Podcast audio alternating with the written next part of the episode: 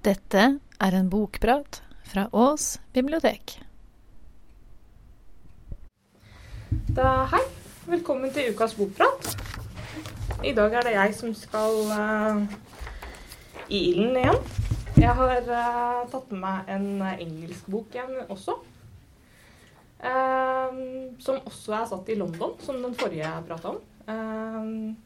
det var ikke, det ikke meninga. Jeg kom på det når jeg satt og skrev manus, at oi sann. Ser ut som jeg har en sånn litt sånn tiltrekning til London når jeg skal snakke om engelske bøker. Det kan jo for så vidt stemme ganske greit òg. Den boka jeg skal snakke om i dag, den heter 'Ten Days'. Den kom ganske tidlig på året i fjor, men jeg husker. Jeg leste den ganske raskt etter at den kom ut, og så gikk jeg nesten hele året og venta på at den Eller håpa på at den skulle bli oversatt. for jeg hadde veldig lyst til å ha den med meg på årets bøker. nå ble den ikke oversatt. I hvert fall så har den ikke blitt det enda. Eh, så den fikk ikke være med på årets bøker. Eh, men nå fant jeg ut at jeg kunne ta den med hit isteden. Eh, det kan jo være vel så bra, det. Ten Days, som for øvrig ser sånn ut, er skrevet av en dame som heter Gillian Slovo. Hun er engelsk. Hun ble født og vokste opp i Sør-Afrika. Men hun bor nå også i, i London. Som også er da stedet hvor handlinga i denne boka utspiller seg. Uh, Slovo hun er hovedsakelig kjent som forfatter av um, kriminal- og thrillerlitteratur. Det er i hvert fall det hun har skrevet mest av. Uh, men i 2011 så skrev hun et skuespill som het The Riots for en teatertropp som het Tricycle Theatre i London. Og det stykket det premierte bare noen få måneder etter at eh, det hadde vært eh, opptøyer i, i London. Eh, og den researchen hun gjorde i forkant av da, at hun skulle skrive det teaterstykket, det ble også basisen for Ten Days. Um, boka er ikke en manus. Det er en roman som står veldig støtt på egne bein. Uh, men i likhet med The Riots så er den en um, fiksjonalisert skildring av uh, opptøyene i London. Og den utforsker på en måte litt hvordan opptøyer starter. Hvordan de kan starte, hvordan de kan utarte seg. Eh, og litt hva som gjøres på forskjellige nivåer eh, for å stanse eller holde, holde ting i, eh, under kontroll. Og samtidig så skildrer, skildrer, den tre veldig forskjellige personligheter. Ten Days begynner på et sted som heter The Lovelace Estate. Lovelace er et såkalt council estate. Det er litt vanskelig begrep å oversette det til, eh, norsk. Det nærmeste jeg har klart å komme meg, er kommunalbolig. Uh, Council Estates har en litt bredere definisjon enn det den norske uh, kommunalbolig har. Men de har det til felles at uh, både Council Estates og kommunalboliger har litt dårlig rykte. I en leilighet på The Lovelace Estate så bor en dame som heter Cathy Mason. Hun er alenemor til eh, tenåringsdatter som heter Lyndon. Og hun er også en ganske viktig bidragsyter i lokalmiljøet rundt Lovelace. Mange vet hvem hun er. Hun er, blir sett på som en sånn type person som, som kan ordne og fikse litt opp i ting. Eh, hun er også en av de tre hovedpersonene som vi ser um, handlingen i boka gjennom øynene til. De to andre er nyutnevnt politidirektør ved Metropolitan-politiet. Han heter Joshua Yares og Home Secretary Peter Whiteley. Home Secretary er også et litt sånn ullent begrep. Det hadde vært en kombinasjon av flere no forskjellige norske ministerposter. Eh, men det er en post som er ganske høyt opp i, i systemet, og som har med uh, innenriks, altså type sikkerhet, å gjøre. Så både etterretningstjenestene og politiet svarer for uh, The Home Department og altså da The Home Secretary. Um, Teresa May var for, for, eksempel, hun var Home Secretary før hun ble statsminister. Um, så med disse tre perspektivene så får du altså tre vidt forskjellige um, synspunkter på det som skjer. Og disse tre menneskene de har jo også sine helt egne motiver for det de gjør. Uh, det som utløser det hele, det begynner en helt vanlig dag. Det begynner en dag hvor Cathy Mason står på verandaen sin i, på Lovelace og lurer på hva i all verden hun skal gjøre med denne opprørske tenåringsdatteren sin.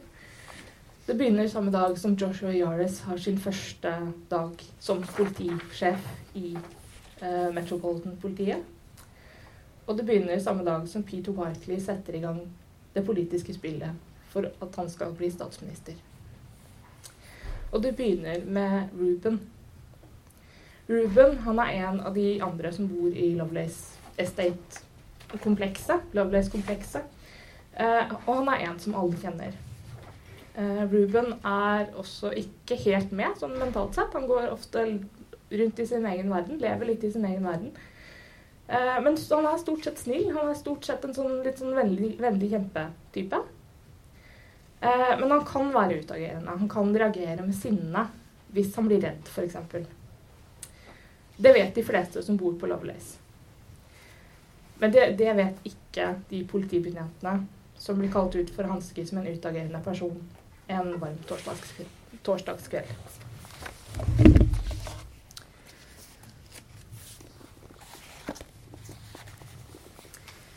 The cake had tipped the kitchen from messy into a disaster zone, and she was trying to clear it when she heard Lyndall calling, Mom!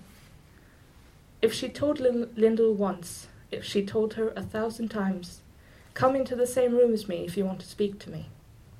Mom!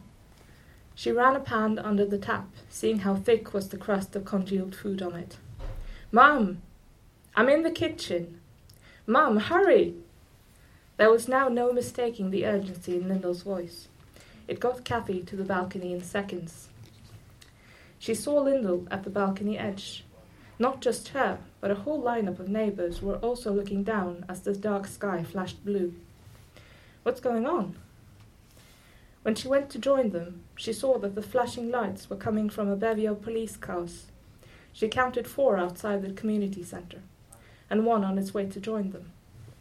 They drove up, Lyndall said, all of them at once, and then all the police rushed in. The sound of more sirens rent the air. I'd better get down, I'll come with you.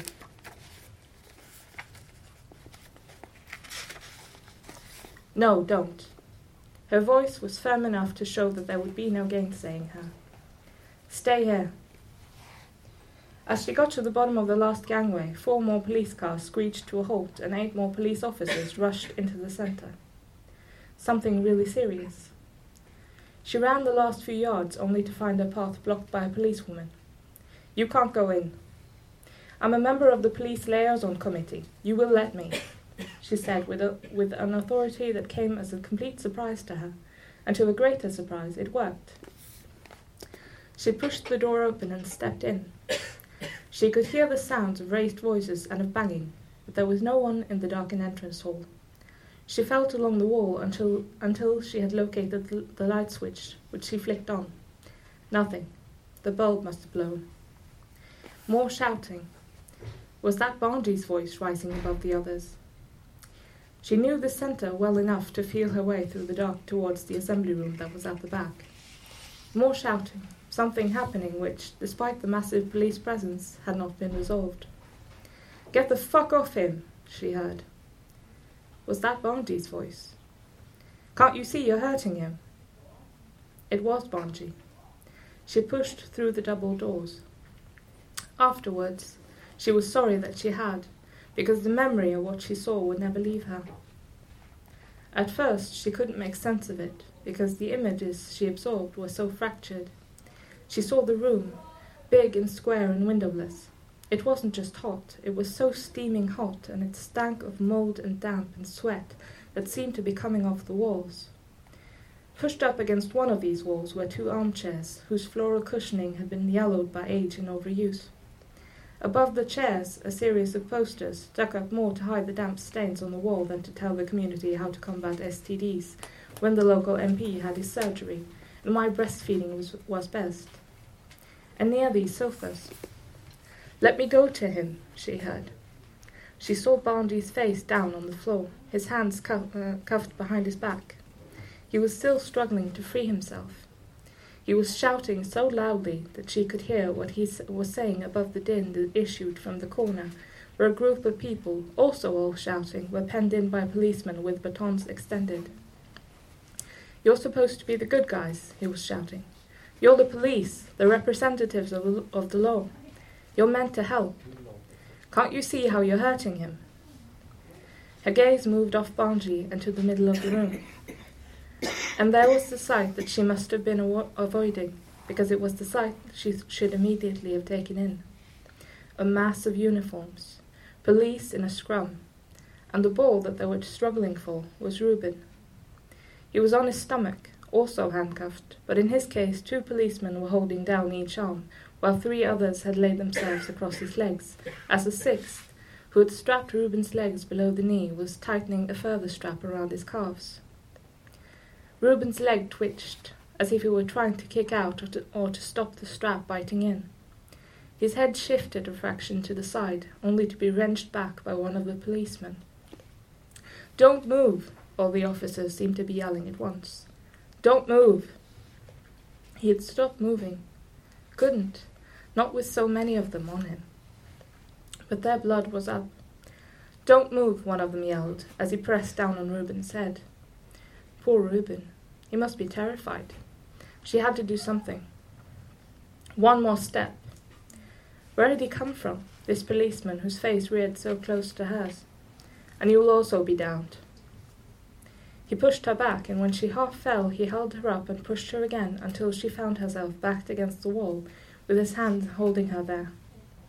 Calm down, he said, while turning to his officers and gesturing with the other hand at Barndy. Get that man out of here. As the din in the room continued unabated, two of the officers linked an arm under each of Barndy's arms and hauled him up. Come on, son. With huge effort, Barndy wrenched himself forward, breaking their lock. She thought he was going to run. He didn't. He stood stock still and yelled, Look at what you've done. He, his shouting ricocheted around the room, silencing all the others, and again, Look at what you've done. Only one sound now, a guttural exhalation from the center of the room. And then, when everybody seemed to hold their breath, there was no longer anything to hear. You've killed him. You were called to help, and you've killed him. The officer who'd been pinning Cathy back let go of her. He strode over to Reuben's prone body, kneeling down, lowering his head until his ear was adjacent to Reuben's mouth. Quiet! No need for that command. The dreadful silence that had descended was never going to lift. The policeman raised his head to say calmly, Call an ambulance, and calmly again, Get off, to the officers who were pressing down on Reuben. Turn him over. They pushed the prone body, his head lowered back. They all heard it crack. Careful, for fuck's sake, and take off those restraints. They managed to roll Reuben over. As much as she wanted to, Cathy could not bring herself to avert her gaze. She saw Reuben. His skin was grey, his mouth open. Slack. Blood. From where? She couldn't see, and now she couldn't see anything much else except the sergeant who, having straddled Reuben, was breathing rhythmically into his mouth between compressions on, on his chest. She watched, but even though she willed him on and told herself that they would soon hear Reuben coughing, Something in her already knew it wasn't going to happen. It was too late. Reuben had gone.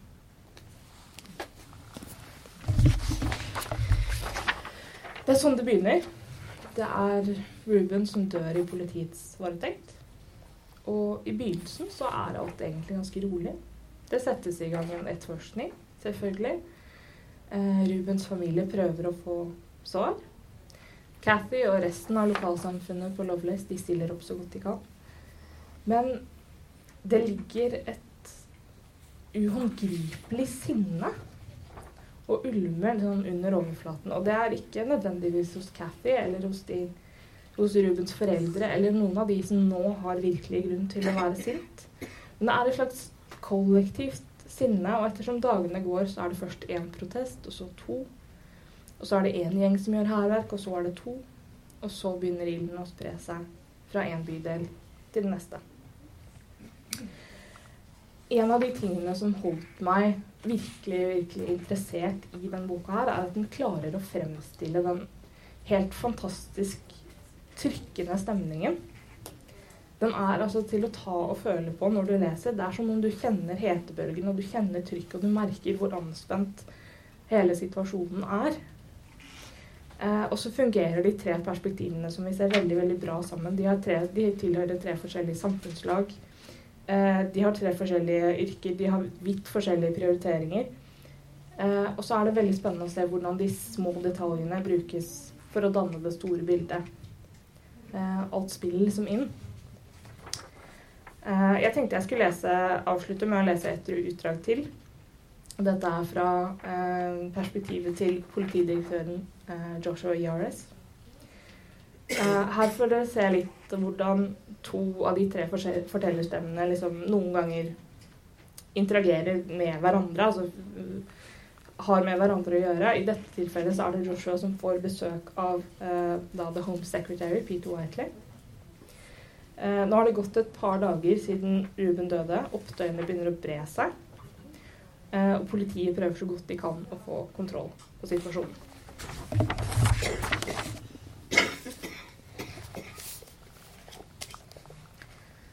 They had set up Gold Command on the, on the fourth floor. A line of seated officers was monitoring the bank of screens, their computers providing the sound as they communicated with Silver in Littleworth and Bronze on the ground. In the middle of the room there was a projected map of Rockham, complete with the position of rioters, onlookers, and emergency services.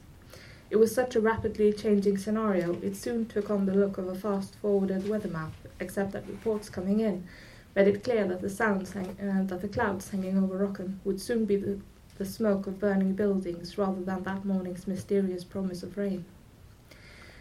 Joshua stood to one side as Anil Chada took charge. As he watched his deputy calmly issuing orders, his respect for, Ch- for Chada increased. Having previously been stolid, Chada was now showing how fast and how effectively he could move when he had to which is more than could be said for those in charge of Rockham police station. What on earth did they think they were doing leaving a patrol car and a bus exposed? I expect it's down to inexperience on the ground, sir, Chada said. Gabby Wright was unfortunately away. She's on her way back, and her task and ours is to take control. You agree that arrests are not an immediate priority? Yes, not enough men on the ground. They can always organize CCTV grabs afterwards. For the moment, let's just concentrate on making sure that nobody gets killed. Yes, sir. Anil smiled, which was not a sight that Joshua had ever seen before. What a mess, and before Joshua had even completed a week in post. By the looks of, looks of it, even Billy Ridgerton, as capable as he undoubtedly was, would have to work a miracle to stop the trouble with the scarce resources available to him. Wouldn't be easy either to give him more. What with it being Saturday and so many of the men having opted to take their annual leave during this hot spell. Don't let me get in your way, Anil. Carry on. Thanks, sir. Anil Chada half turned away, but then froze. Uh-oh.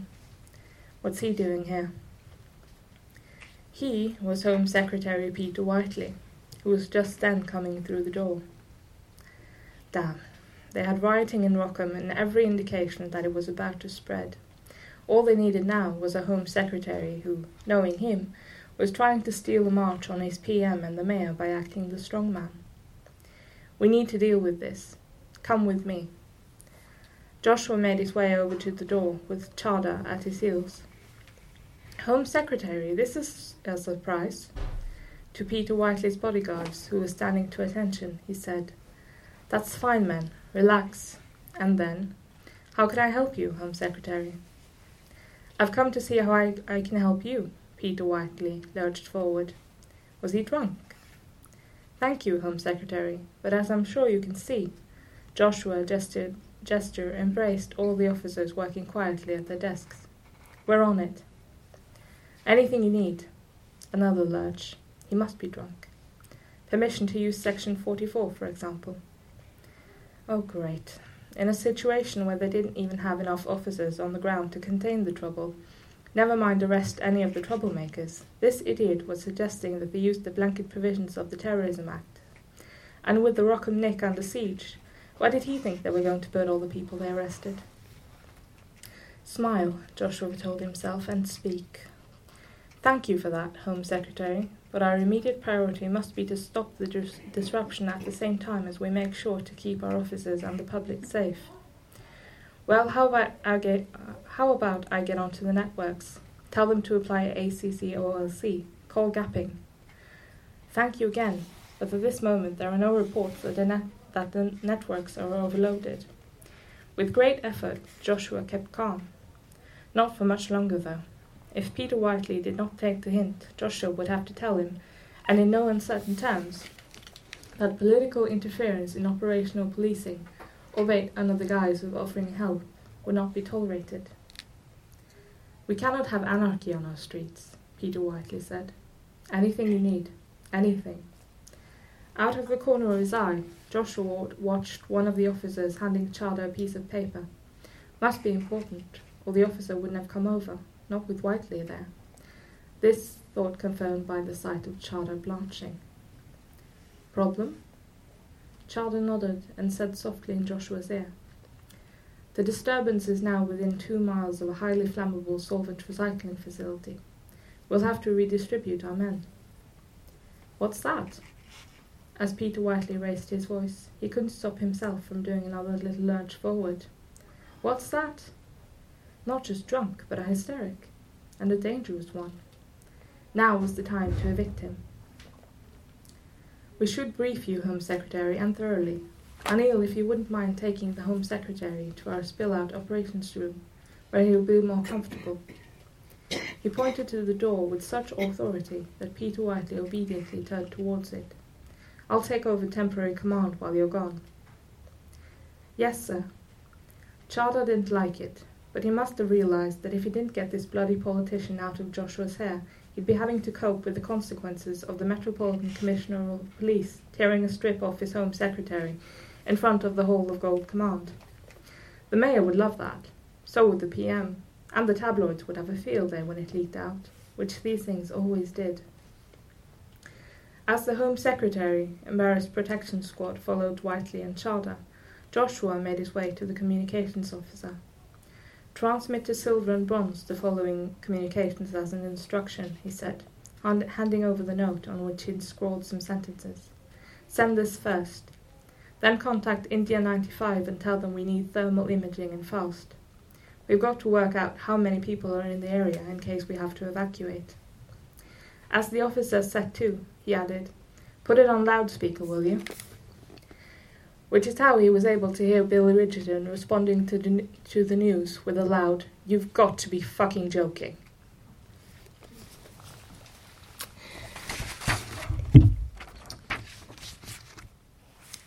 Ja, det var altså det egentlig det jeg hadde tenkt å si om, uh, om Ten Days. Jeg anbefaler den virkelig til alle som ikke er uh, jeg håper å si redd for å lese engelsk. Det er en veldig veldig god eh, bok, syns jeg. Den var veldig Den grep tak i meg og holdt, holdt, fast til jeg hadde lest den ferdig. Mm. Um, det var i grunnen det. Husk at i morgen kveld så det, får vi besøk av um, Ola Hegdal. Som skal komme og snakke litt om krim fra 2016. Det er i uh, morgen kveld klokka halv sju. Eh, dere som trenger litt krimtips til påsken og har eh, lyst til å komme på det, dere er hjertelig velkommen. Takk for meg.